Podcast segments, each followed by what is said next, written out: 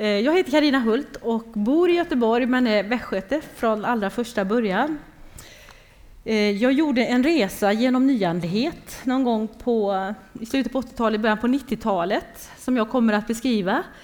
Eh, vad den gjorde med mig och lite grann om vad det betyder och vad det, hur det påverkar oss människor.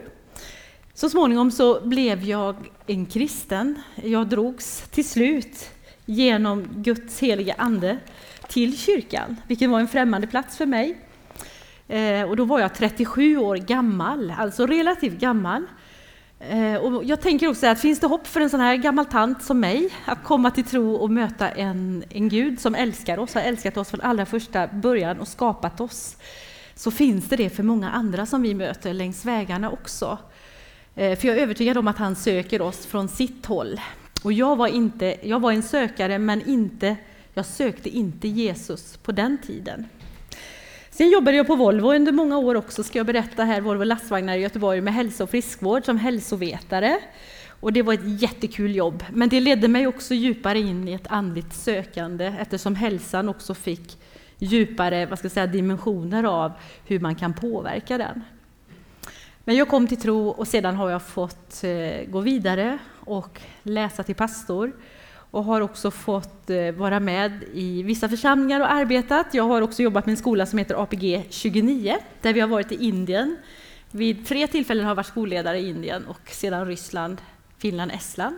Och det har varit fantastiskt att få vara med där. Och kanske några känner till denna skola som är formad ifrån eh, Svenska Missionsförbundet från första början, eller Svenska Missionskyrkan. Så lite kort om mig då. Men ni ska få lära känna mig lite grann nu, varken ni vill det eller inte, så kommer jag att faktiskt relatera till min egen historia här när jag börjar. Och jag hade en tid i mitt liv då jag fick en stor, stor kris. Jag tyckte att jag hade levt halva livet. Och jag kände att jag måste vända på andra halvan. Jag hade försökt en massa vägar och försökt att hitta svar på frågor om livet, om meningen med livet. Allt det där liksom bara knackade på stenhårt i hjärtat och jag drabbades av en, ska vi säga, en livskris. Det här var ju sommaren 1997 och det var i trakterna nere i Simrishamn faktiskt, på Österlen. Jag minns det som det var igår. Hur jag bara full och full och full, men ropade på hjälp. Och jag får de här orden, jag måste gå till kyrkan. De kommer ur min mun, men det är inte jag som säger det. Fast det är jag som säger det, om ni förstår. men det var oväntat, oväntat håll kan man säga. Och jag började faktiskt att snosa lite på kyrkan där i Simrishamn. Gick in och mediterade där, för det var det jag var van vid att göra. Eh, men så småningom så leddes jag vidare till en annan liten kyrka.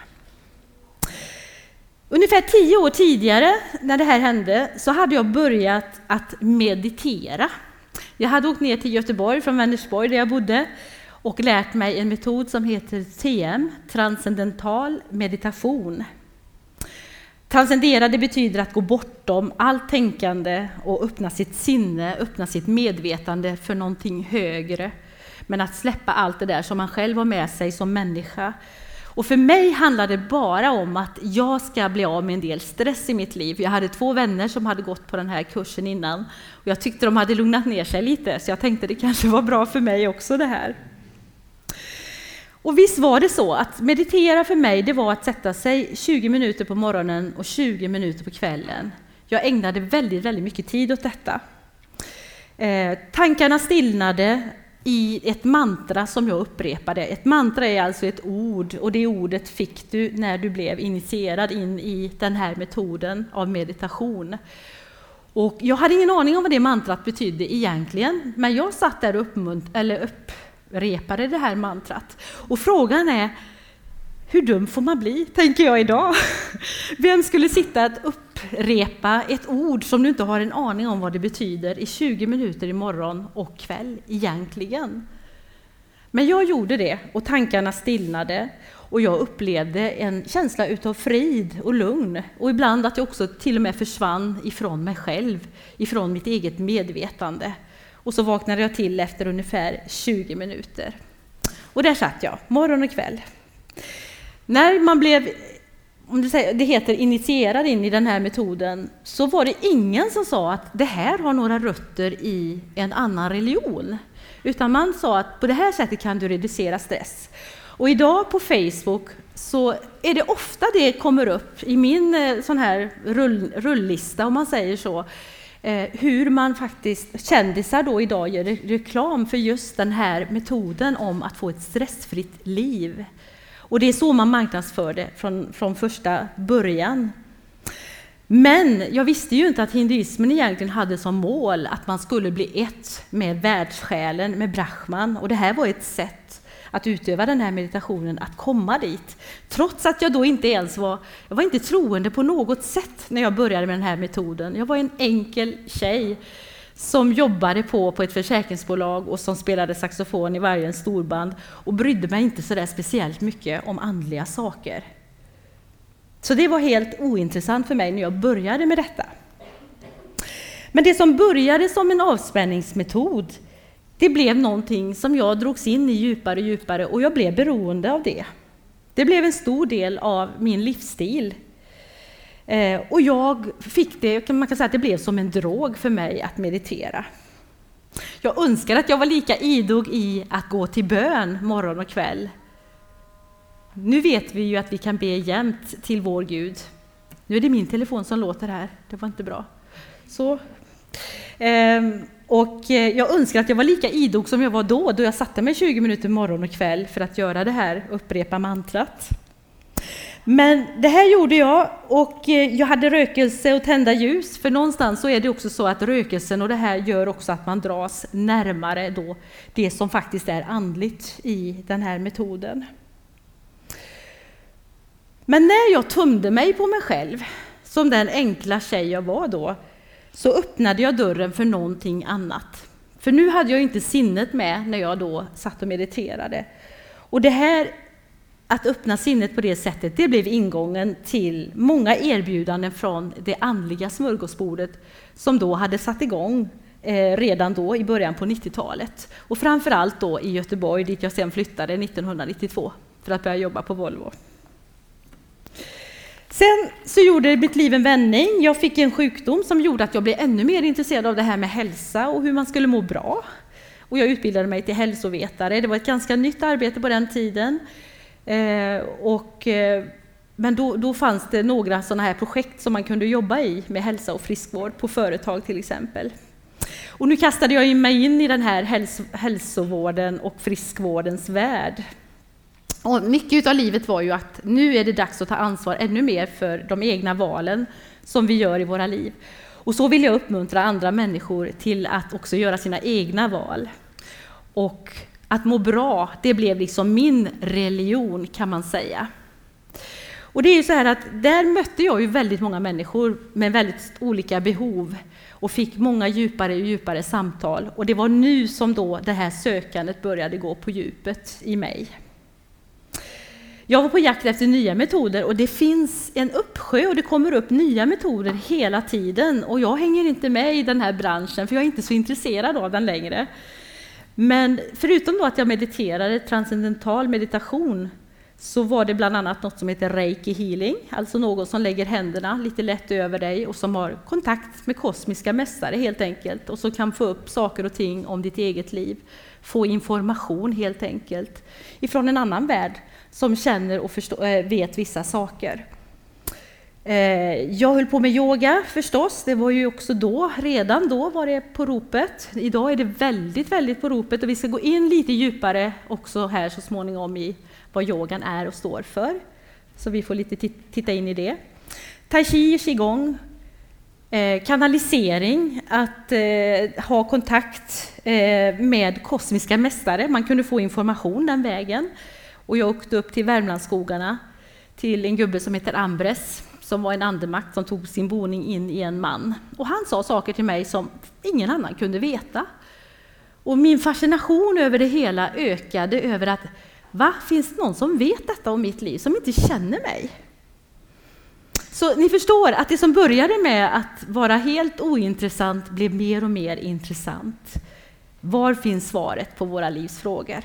Och vi vet att många här idag som sitter i det här rummet har både själva och vänner och bekanta och arbetskamrater och skolkompisar som rör sig i de här områdena. För det har ökat sedan jag höll på med det här.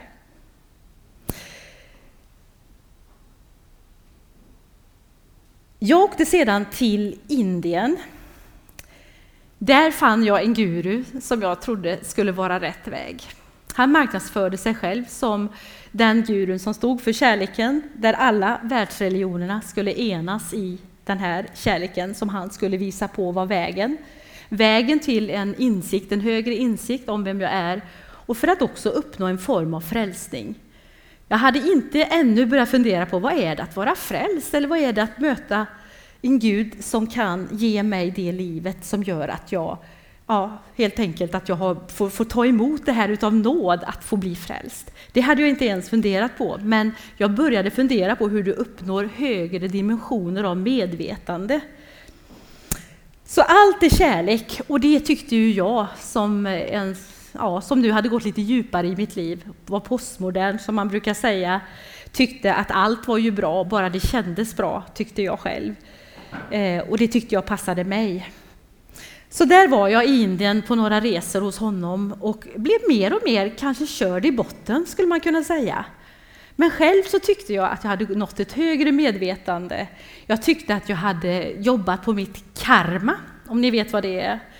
Det är karmat är någonting som du tar med dig från livsperiod till livsperiod enligt den hinduiska tron.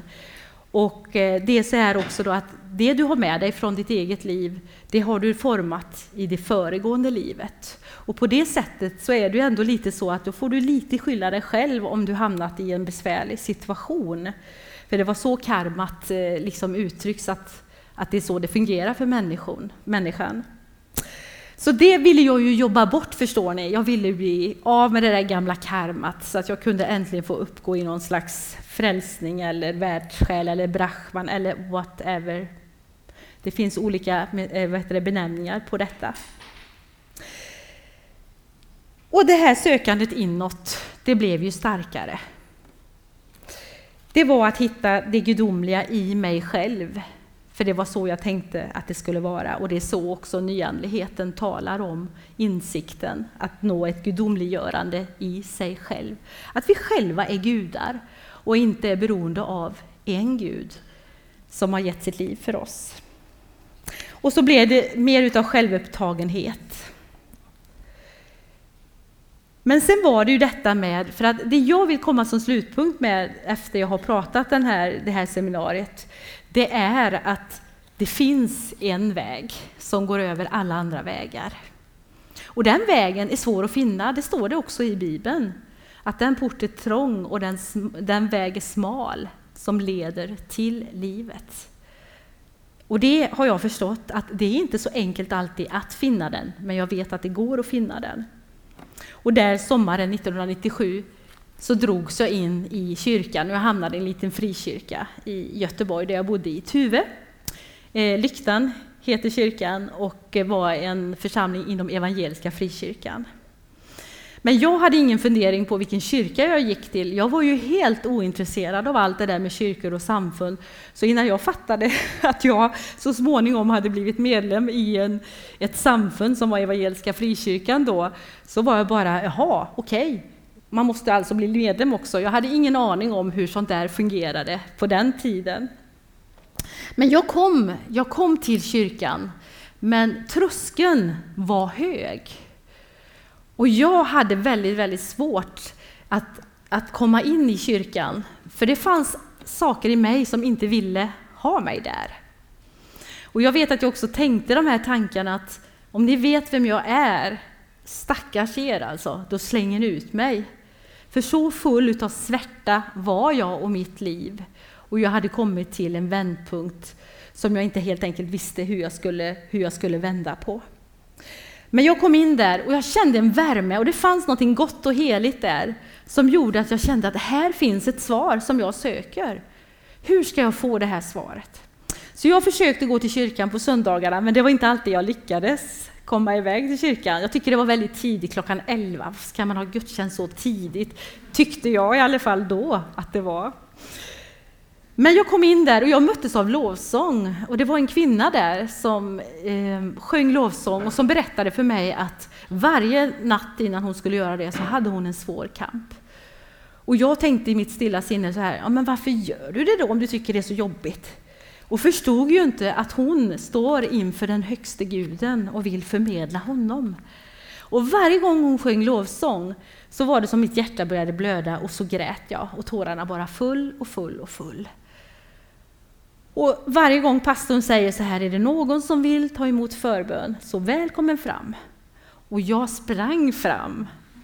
Alltså, det var inte så konstigt för en nyandligt sökande att gå fram och att någon ber för en eftersom jag också redan har hållit på med många av de här olika metoderna innan, där man lägger händerna på och annat. Och jag grät och jag grät och jag grät. Så det var som att hjärtat började öppnas där i denna atmosfär som jag inte kunde ta på. Jag fick börja sjunga i den här kyrkokören, men jag visste ju inte vad jag sjöng om, men jag sjöng av hjärtats lust. Och jag såg min åmring. Om, åmringen är alltså då tecknet för hinduismen. Jag såg hur den glänste mot det svarta pianot och jag tog ner den där handen under och drog av mig den där ringen och kände att stoppa den i fickan. Den ska du nog inte ha här i kyrkan. Vem var det som sa det till mig? Det var inte någon människa som sa och pekade och sa du, det där ser du till att ta bort. Utan det var den helige Ande som började bearbeta mig och mina tankar i att förstå de här sakerna. Jag sjöng i kyrkokören och så småningom så kom en kvinna fram till mig efter ett halvår och frågade, är det dags att du ber en bön om att följa Jesus? Och då var det fortfarande en kamp, för då tänkte jag att måste man be en bön om det? Jag tror ju att han kan frälsa sitt folk, det är jag övertygad om. Men jag vet att i det ögonblicket när jag bad den där bönen, då gjorde jag ett medvetet val och då hade jag fått smaka och se att Gud är god. Han ville komma nära mig trots att jag var full av skit. Så jag valde att läsa en kort bön och det hände inte speciellt mycket i det ögonblicket och det tror jag var väldigt, väldigt bra. Eftersom jag är en känslomänniska så hade det bara varit förstärkning på att det, här med, att det man känner är rätt. Men istället så började han svara på bönerna när jag började be direkt till Jesus. För innan så bad jag till en Gud som var odefinierbar, för Gud kan vara så mycket inom nyandligheten. Men här bad jag till den guden som visade vägen och som dog för oss på korset. Så där lät jag döpa mig och så gå vidare i det livet. Och det livet har varit spännande. Jag tänkte att livet som kristen skulle vara ganska tråkigt om jag ska vara ärlig. Eh, och tänkte att nej, då blir man sittande i en kyrka och det har jag ingen lust med. Men så fel vi kan ha. Det har varit ett äventyr. Och jag skulle också vilja säga att eh, har du det här med äventyret i dig och så här, som jag ju alltid har haft och älskat resor, då har jag fått jobba med just de sakerna. Vilket jag har förstärkt. Jag har fått åka tillbaka till Indien vid flera tillfällen och jobba med APG 29. Och det är fantastiskt att vara i den miljön som jag faktiskt känner som en andligt sökare till att nu då få se hur Jesus är verksam i den här högst påtagliga andligheten som är där. Och också få se hur unga människor börjar förstå att det finns en sådan verklighet. Människor som, aldrig, som är kristna men som aldrig har hört talas om det och få se deras liv långsamt förändras under en sån eh, tre månaders skola som vi är där. Så det har varit väldigt, väldigt bra erfarenhet. Och jag tänkte väl så här när jag kom till tro, varför har jag gjort allt det här? Varför höll jag på med det där? Åh, jag skämdes, jag mådde dåligt och allt detta. Men det står väl någonstans att han omvandlar allt det där som inte har varit så bra till att bli skatter som kommer upp i ljuset. Och den erfarenheten är mycket, mycket bra att ha. Speciellt i den här världen som är full av andligt sökande människor. Så jag är glad och tacksam för det, vad jag har fått vara med om, och jag tror det finns mycket, mycket mer att göra. Men nyandlighet, jag ville berätta lite grann, bara för att ni ska veta lite grann om den historien som ledde fram till där jag är just nu. Nyandlighet, New Age betyder ju ny tidsålder. Och det är en sammanblandning av olika religioner och filosofier och det finns också nätverk som jobbar hårt på att knyta ihop de här okulta och nyandliga rörelserna. Och vi ser att det idag sker mycket, mycket mer än vad det gjorde då när jag började med det här. För idag är yoga på varenda träningscenter i princip.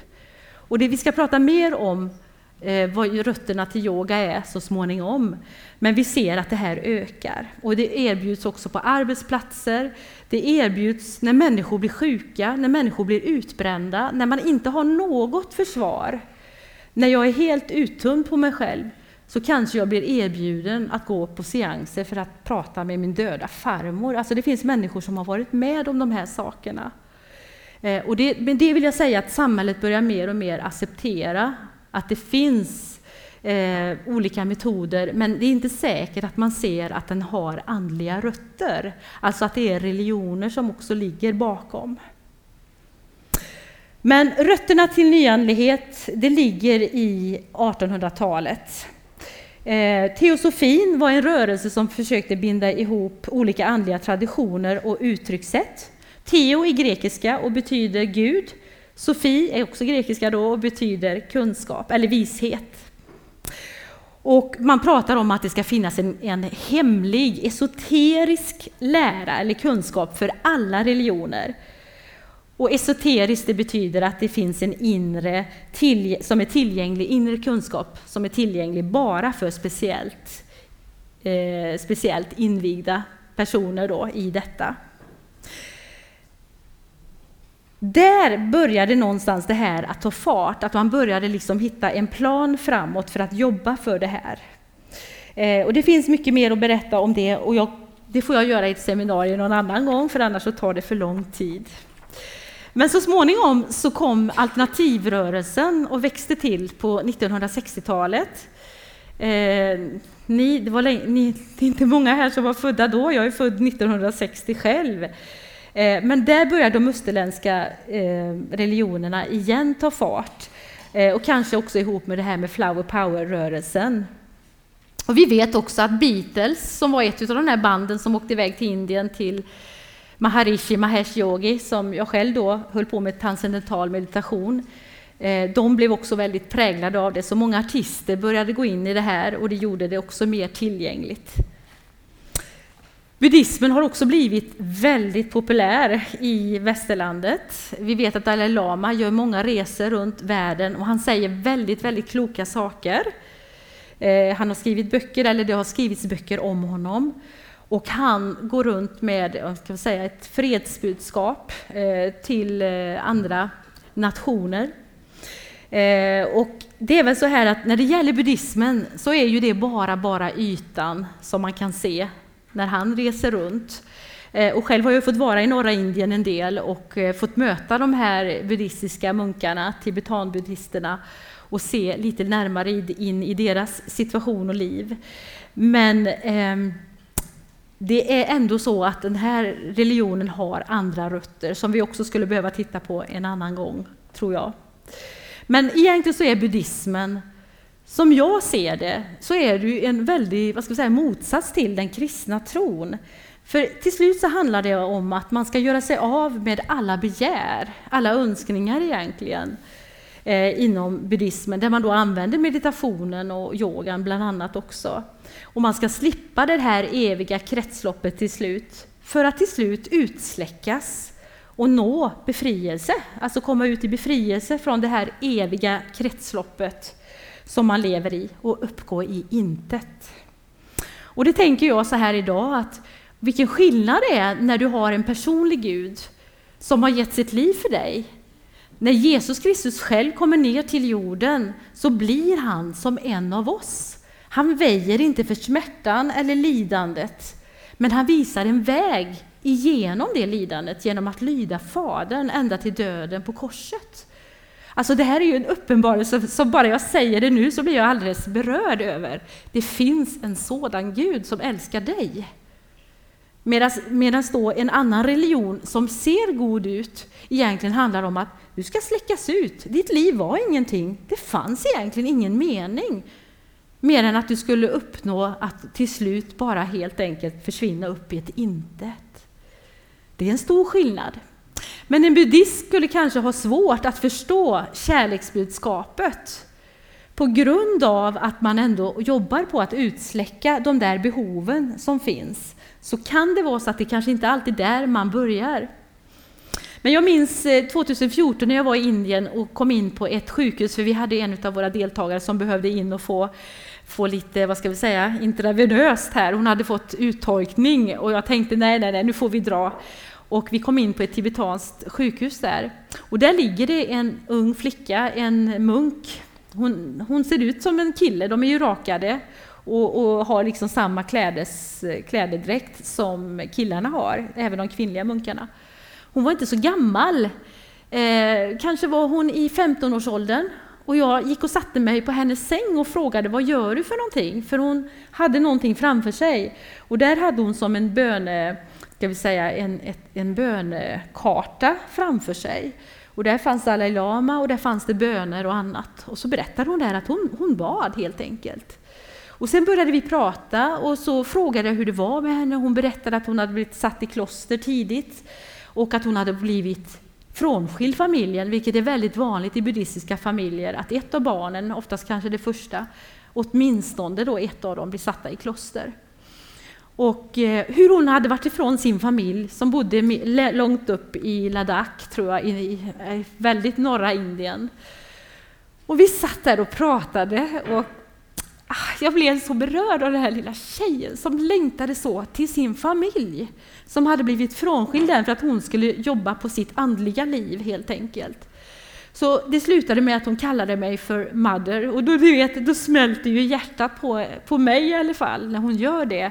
Och jag lovar att jag kommer tillbaka en annan dag och det gjorde jag också. Men jag kände liksom, oj vilket slit de här, de här unga, alltså det här är ju sånt som man kanske bara tänker på när man möter det. Vad tufft det kan vara för många av dem att skiljas ifrån. Som om du tidigt i ditt liv skulle bara tas ifrån din familj och sättas i ett kloster någonstans och inte få träffa dem. Det hade varit svårt för vem som helst, tror jag. Nu kommer jag, in, jag kommer att göra så, jag växlar emellan, det kommer upp tankar och minnen också ifrån bara för att liksom relatera till det jag säger här nu då. Och när det gäller sedan hinduismen så har ju hinduismen, är det någon som varit i Indien förresten här? Några stycken har varit där. Ja. Alltså, hur många gudar finns det inte? Det finns ju gudar i varenda gathörn, varenda hus har gudar, varenda hus har husgudar som man tillber och man har speciella altare och man väljer vilken gud man tillber för dagen, kanske efter vilka behov man har.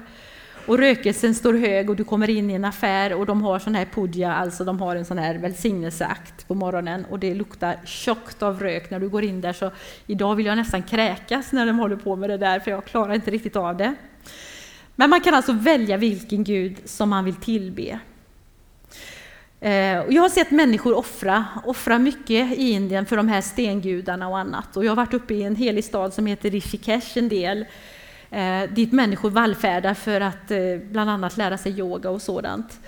Och det, det, är riktigt, riktigt tufft när man kommer in i en sån stad som bara dallrar av en form av andlighet och man ser västerländska sökare gå där med tomhet i blicken. Och mitt hjärta brister, för jag var en utav de sökarna där i Indien. Du kan alltså välja vilken du vill tillbe beroende på behovet för dagen. Och det handlar också om att meditera eller praktisera yoga. Hinduismen handlar också om panteism, alltså att Gud finns närvarande i allt boende. Därför så dyrkar man ju, man har heliga kor, man har alla möjliga, vad ska vi säga, former av dyrkande där. Eh, just för att Gud också finns, tror man, i, i den skapelsen. Man har också reinkarnationen, eh, vilket man ju också har i buddhismen, om återfödelse, där du återupplever dina liv beroende på hur du levt ett tidigare liv. Och det här med karma som jag pratade om, som också lät vackert och lite romantiskt på den tiden för min del, men som idag är ju en stor belastning att jag är orsak till det liv jag har, de sjukdomar jag har. Det är ganska tufft.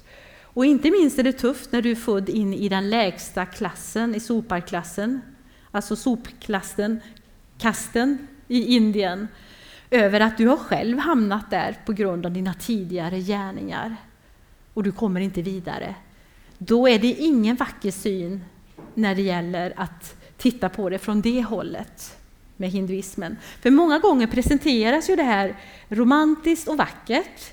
Och kanske har några sett en film som heter Eat, Pray and Love med Julia Roberts. Det är, det är en lite äldre film nu. 2011 kikade vi på den, kommer jag ihåg när vi var i Indien. Och där presenteras det som någonting mycket vackert och romantiskt. Med rosenblad som faller i ashramet och allt möjligt. Men jag kan säga, jag har bott i ashram i Indien. Och där är du liksom i stora, stora lador har du bara en madrass, den madrassen du själv har köpt och ditt myggnät. Och där ligger du och ska dela med hur många som helst andra. Eh, den lilla bostaden man har. Så så vackert är det inte som det framställs ibland i våra filmer.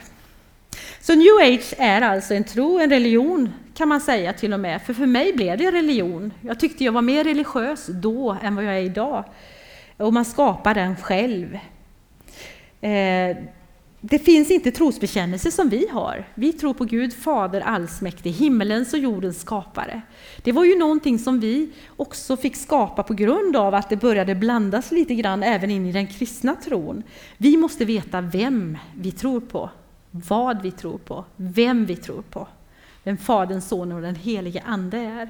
Men det finns inte där, för det, är liksom, det finns inte sådana eh, krav kan man säga.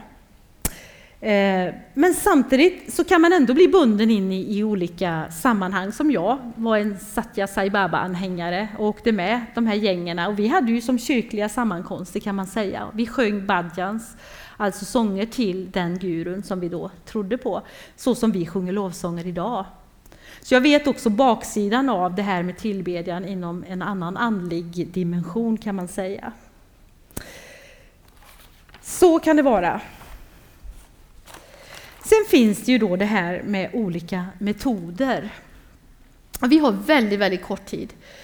Eh, och jag tänker så här att jag måste berätta lite grann om vad det är för slags medicinsk tro man har när det gäller eh, de här andra religionerna. Och ni kanske har talat talas om att det finns, att man kallar att man har sju stycken chakran, alltså energihjul som rör sig. Jag vet ju inte alls vad ni har för bakgrund eller hur mycket ni har varit, liksom, tittat in i det här. Men där tror man alltså att det finns sju olika chakran som sitter ifrån sätes och ända upp till gässan här. Som har sju olika fält och sju olika färger. Och varje sån här hjul eh, sammankopplas då eh, och kallas för energihjul. Och de här går längs energikanalen, längs ryggraden, från svanskotan och upp till hjässan.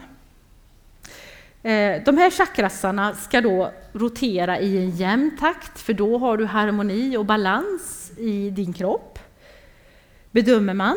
Och till varje chakra här hör också ett hinduiskt gudapar. Alltså det sitter ett sådant genom varje chakra här. Så nu ser vi att nu är vi verkligen inne i hinduismen här. Och det är en, en, manlig och en kvinnlig gud. Och om jag upplever att jag har ohälsa på något område så kan det bero på obalans eller störning i de chakrarna eller i det man pratar om som en aura, det energifältet man har runt omkring sig då. Och var blockeringen nu sitter, det kan man lösa med metoder som yoga, meditation, mindfulness eller någonting annat, säger man då. Så grunden för hälsa inom det här alternativområdet då för hälsa, hur, hur man ser på hälsa här, det är ett fritt flöde av livsenergi, att det ska flöda fritt. Men nu är vi inne på liksom lite djupare saker, men det gör att, att veta om vad det är man bygger sin kunskap på kan vara viktigt för att veta vad det är för metoder man, man eh, när vi tittar på metoderna om man säger så. Och det finns ju som sagt olika metoder för detta, för att det här liksom ska, ska vara i en eh, ja, harmoni i kroppen. Då.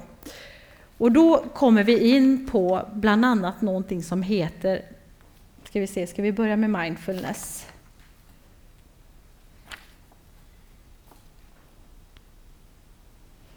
Har, har ni hört talas om mindfulness? Eh, och det är ju väldigt, väldigt vanligt idag. Det är en metod som man många gånger blir rekommenderad när man går till hälso och sjukvården också. Eh, jag ska bara se vad jag la det rätta pappret för det här. Jo, där har vi det. Eh, ja, mindfulnessövningar Och meditation gör att man försöker ta sig an symptom som man har, som kanske oro, ångest, stress. Eh, och sen är det ju frågan om eh, hur man gör det här då, och det ska jag försöka förklara eh, ungefär hur man gör det, vad grundstenarna i mindfulness står för. För ni ska veta det här den dagen ni kommer i kontakt med det här, vad det finns för bakgrund. Eh, man har alltså grundstenar i mindfulness som man har förkortat eh, med S-O-A-L, soul.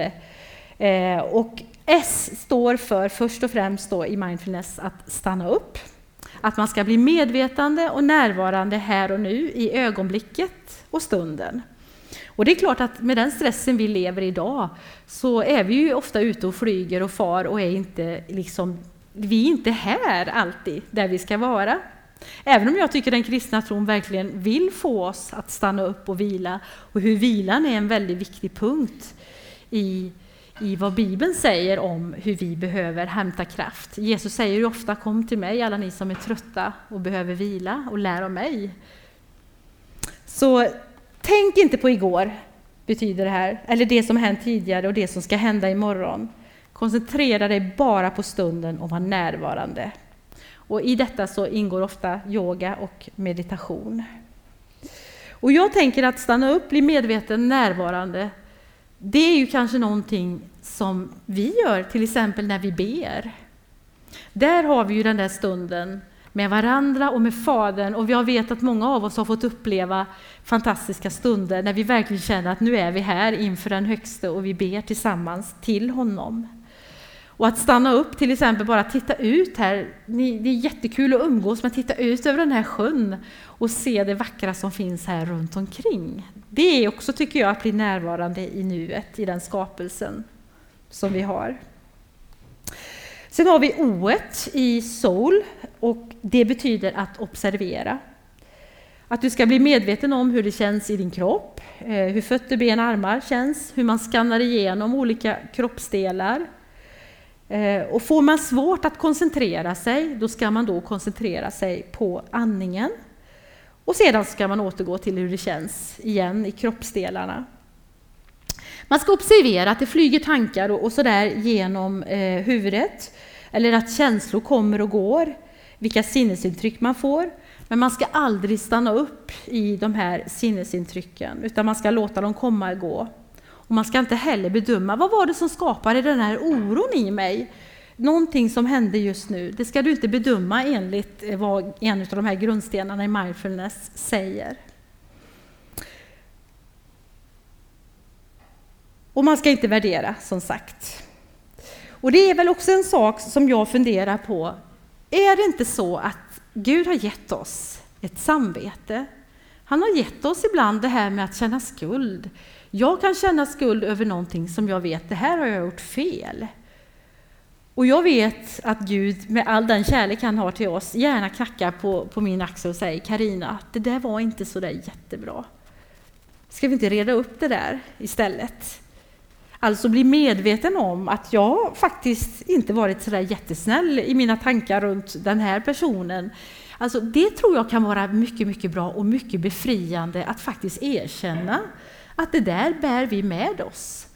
Och vi behöver hjälp med det. Vi behöver kanske gå och berätta för någon eller berätta för den personen, förlåt, jag har gjort fel här.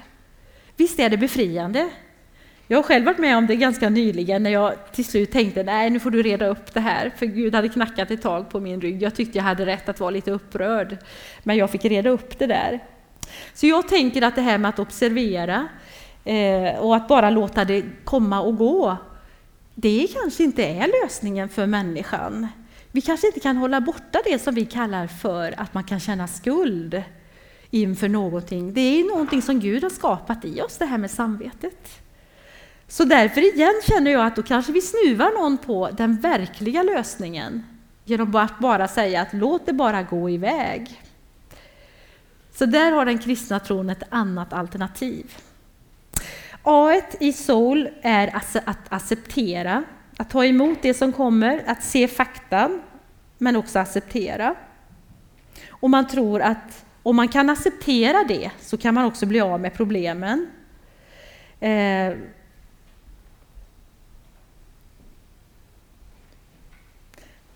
ska se här. Man ska leva med det och ändra sitt förhållande till det man upplever men inte försöka förändra det utan ändra sitt eget förhållande till det som man, man då tar emot och som man ska acceptera. Och jag vet inte heller om det riktigt fungerar, men det är en av grundstenarna också i det här eh, med mindfulness. Och sen har vi sista L och det betyder låt gå. Och det är att lära sig leva med sina symptom, problem och svårigheter istället för att gå emot dem.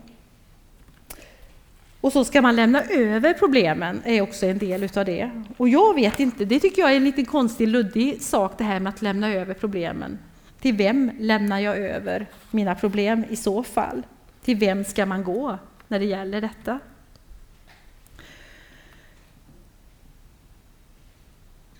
Andlighet och religion hör ihop och därför så är ju också mindfulness byggt på buddhismens lära. lära. Eh, så det är så här att jag tror att det är väldigt, väldigt svårt att ta bort det helt. Det finns de förespråkare som säger att man kan se det som en psykologisk metod enbart. Jag vet inte om man verkligen kan göra det. Jag tror det är svårt att skilja rötterna från det hela. För det finns de som säger att när du utövar någonting och börjar tänka i de här termerna så går du mer och mer mot, eller mer och mer in i det, det tänkandet, eller till och med in i den religionen. Och jag sa ju själv att jag var helt ointresserad av eh, vad tro var eller av andlighet tidigare, men drogs in i det mer och mer. Och så tar vi exemplet som du gav här förut med, vi har ju en kändis, Claes Malmberg, som är en av våra roliga killar här i Sverige idag. Ni känner till honom? Ja han är ju buddhist och utövar detta. Och eh, jag har också läst det du sa till mig idag, jag blev påminn när du sa det, att han hade blivit ganska upprörd över att vi håller på med de här övningarna som mindfulness och yogan och annat som tillhör då den religion han själv är med i och undrar varför vi ska hålla på och göra det när vi då inte egentligen är intresserade, om vi då inte är intresserade av själva religionens grund.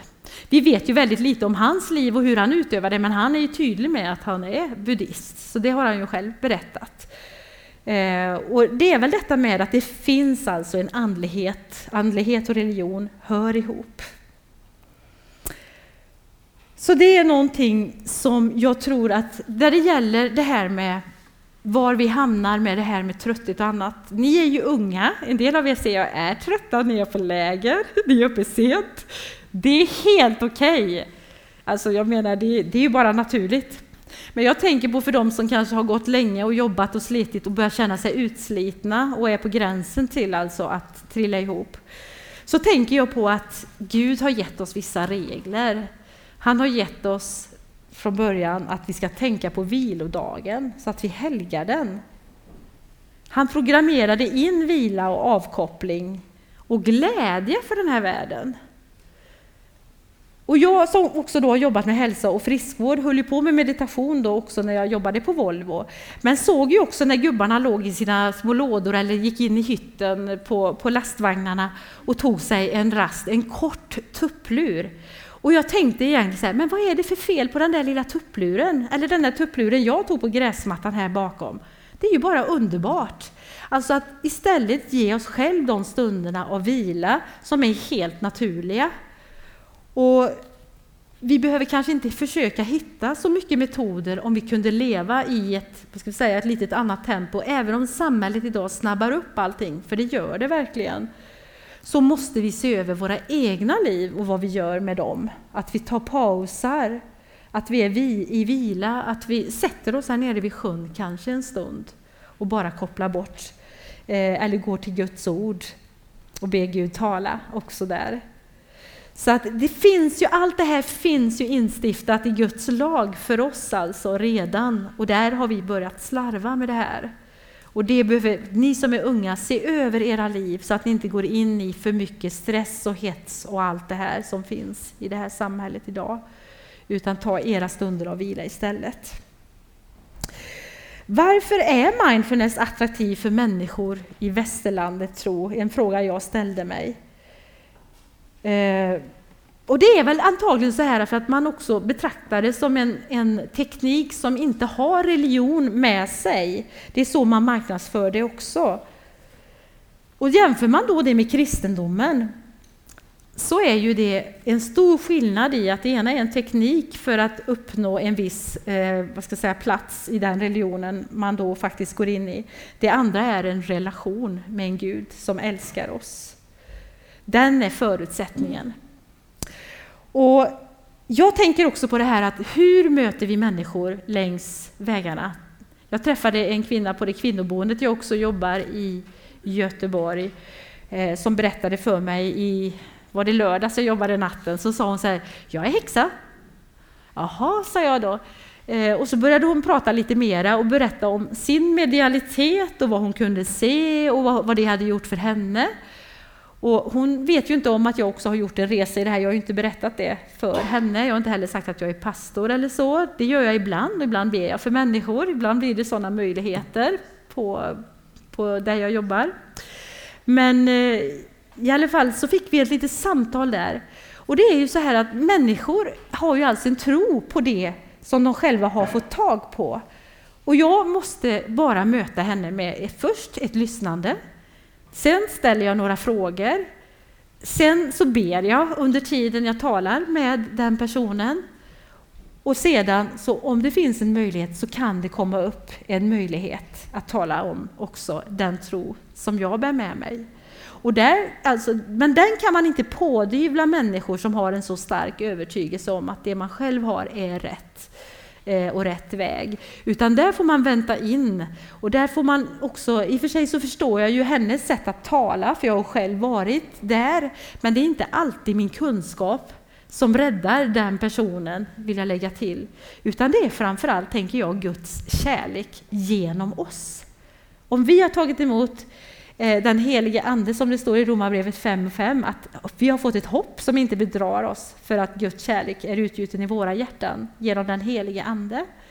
Då kommer det också märkas när vi möter människor, att vi har någonting annat. Och jag hoppas att du har varit med om det, att människor har sett, du har någonting som inte jag har. Men vi får utstå en del prövningar, för det är inte så att han sa att det skulle vara gör enkelt det här. Men vi kommer att få sådana möten längs vägarna där Guds kärlek kan börja öppna en annan människas dörr till att börja ställa frågor. Och jag har varit med om det många, många gånger. Vi måste bara ha tålamod och ett lyssnande till de här människorna som ju är sökare. Så återigen, jag tror att de här metoderna är attraktiva för att de passar in för oss, för Jesus själv är vår han är stötestenen. Och jag vet själv hur svårt det var med namnet Jesus. Det var jättesvårt att börja liksom bekänna honom som Herre och att ens kanske säga Jesus för mig som var, hade den bakgrunden som jag hade. Men han är ju namnet över alla andra namn och eh, räddningen för alla människor. Metoden, kan den skiljas från de buddhistiska rötterna? har jag redan frågat.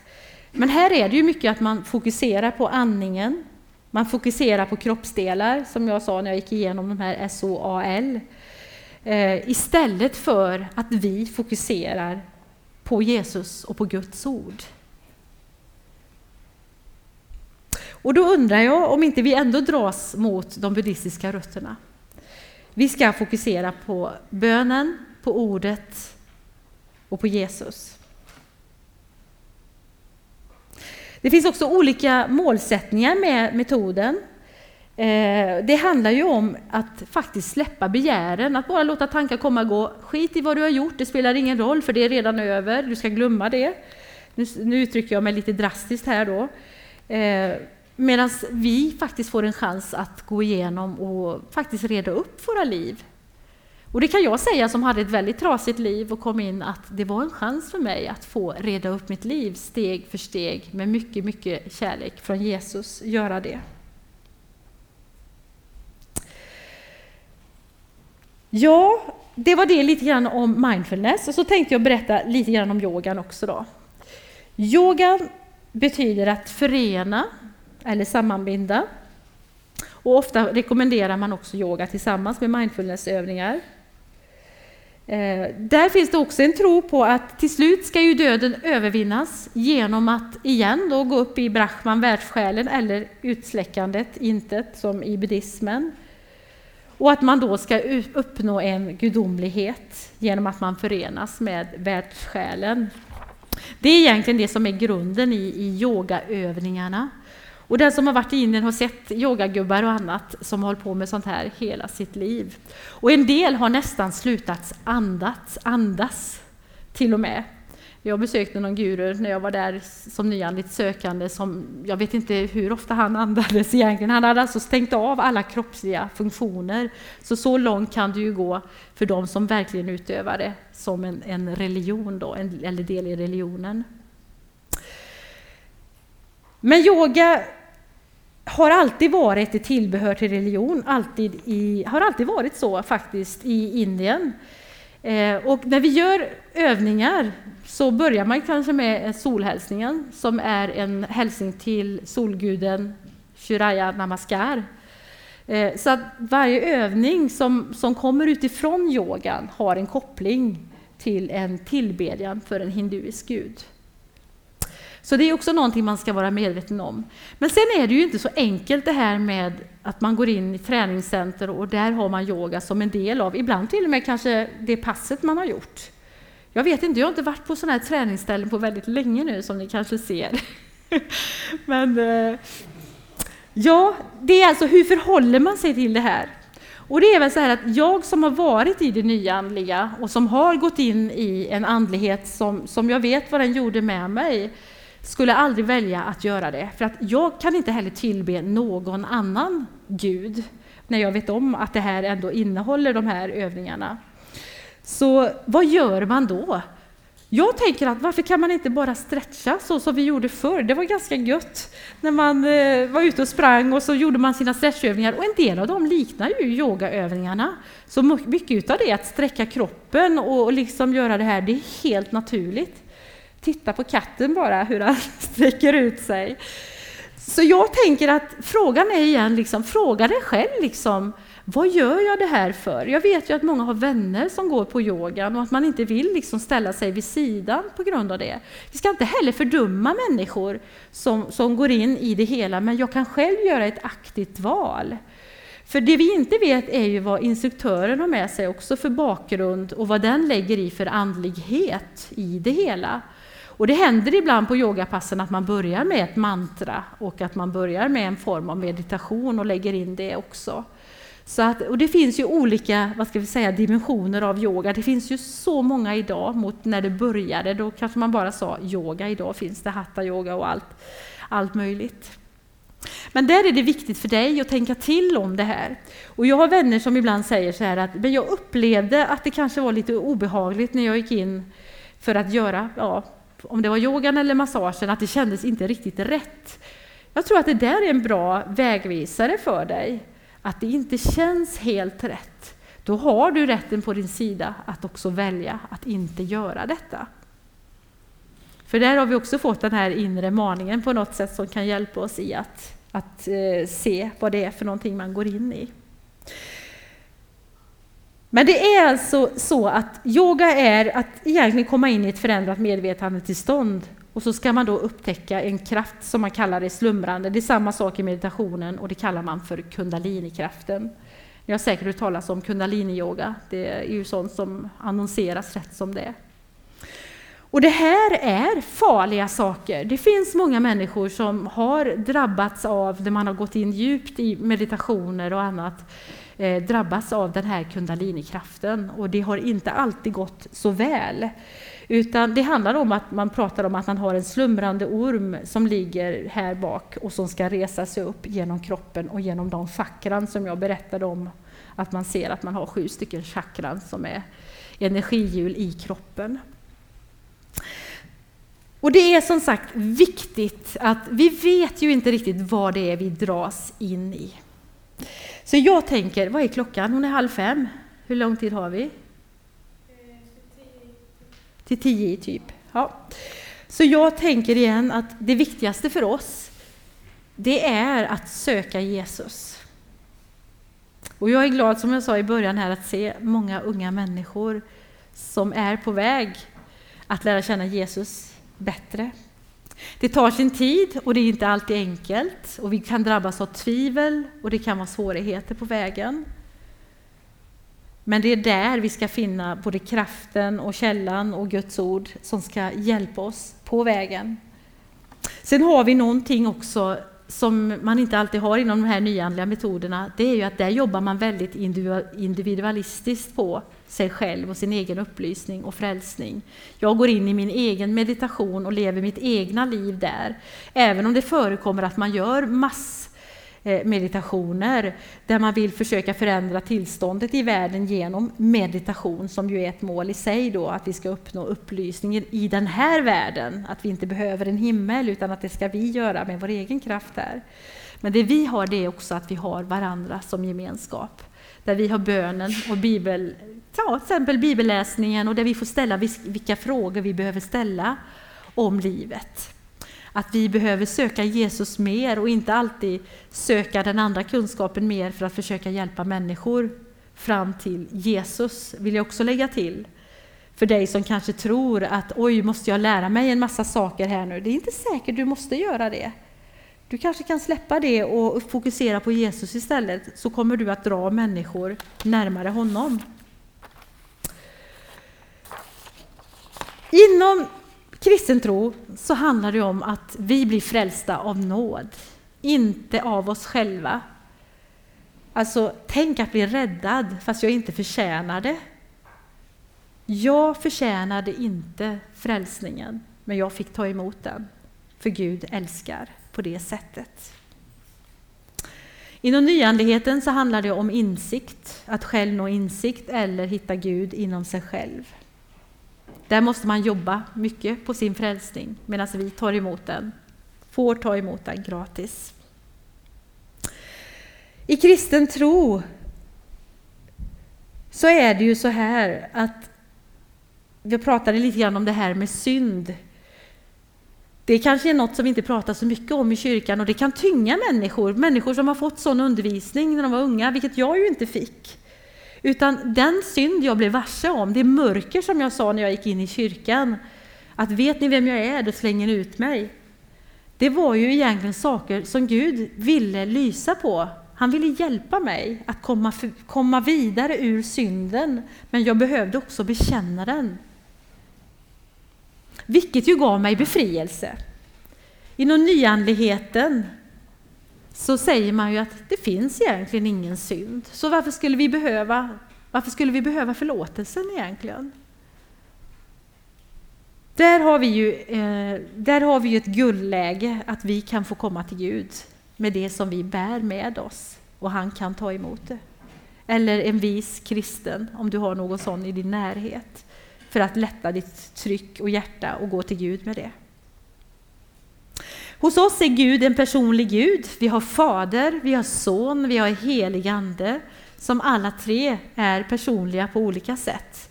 Där Jesus visade oss vägen till Fadern och där den helige Ande blev sänd som hjälpare till oss. Han hjälper oss på vägen, uppmuntrar, tröstar, bär oss ibland, förmanar ibland. Men i nyandligheten så är Gud en kraft som genomströmmar allt, den panteistiska synen, alltså att Gud finns i allt, i stenar och i, i djur och sådant. Gud har skapat allt, ja, det har han gjort. Han har tänkt gott om allt. Men han är personlig först och främst. Han är din personliga Gud och min och vår. När det gäller kristen tro så vet vi att det finns en ond kraft som verkar. Vi kallar honom för djävulen eller Satan. Det står om honom i Bibeln. Han finns och han är aktiv. Eh, vi vet att han kan komma med mörker. Han kan komma med mörker till oss också. Och jag minns en, en tjej när vi var i Indien som gick in i ett tempel och som sa att plötsligt kom mörkret bara över mig. Och det var som jag kunde inte tänka längre. Där blev ju den, den kraften ganska påtaglig, den mörka kraften. Och det enda hon kunde göra och komma på det var en lovsång som vi hade sjungit. Eh, och då började hon bara sjunga den sången och så gick hon ut ur templet och så, så liksom släppte det här mörkret över henne. Men ibland är ju inte den, det så synligt som det var just för henne där och då. Så det finns alltså en ond kraft. Medan ny, nyandligheten säger att men om allting är Gud så finns det inget ont och gott. Och då finns det heller inte någon djävul, helt enkelt. Vi ska inte upphöja eller prata för mycket om, om den mörka sidan, men vi ska veta att den finns. Eh, och vi vet också vart vi kan gå när vi får uppleva det. I den kristna tron så har vi himmelen och vi har också ett helvete eh, som det står om. Medan det i nyandligheten finns inget helvete utan himmelen ska uppstå på jorden när människorna är upplysta.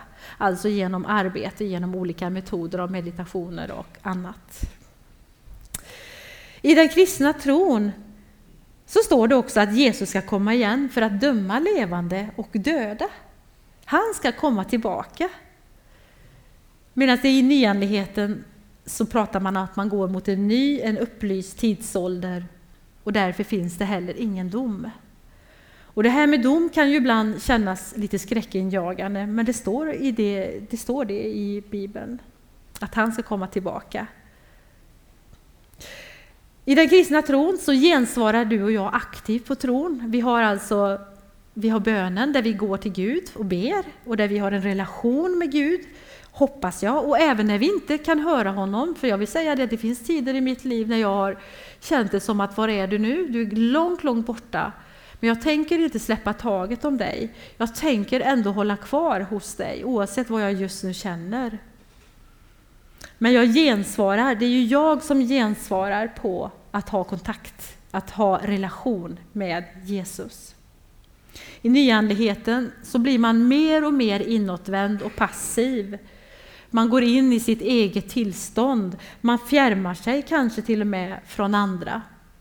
Själv gjorde jag också det och tyckte att jag var på en, en, högre resa än vad min familj var till exempel och tyckte att jag hade kommit mycket längre än vad de hade gjort. Jag gjorde min egen tripp genom det här livet och då kunde jag lika gärna vara utan dem. Men som kristen förstår jag att vi behöver varandra, att Gud har satt oss tillsammans. Eh, i kristen tro så är vi öppna åt ett bestämt håll. Vi är öppna mot Jesus, som, han som kom till världen för vår skull, eh, Guds son.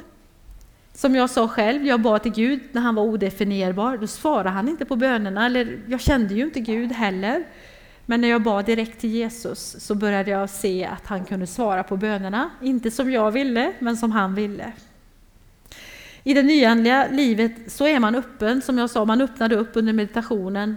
Men vad är man öppen mot? I mitt fall var det andemakter som kom och tog sin boning in, in i mig. Det kan låta som, jag var inte alls besatt, jag jobbade och det var inte alls så. Men det fanns alltså makter som jag bjöd in, som inte jag hade en aning om och som började verka i mitt liv. Jag visste inte vad jag var öppen mot, vad jag släppte in. I kristen tro så hoppas jag att vi ska bli mer oss själva.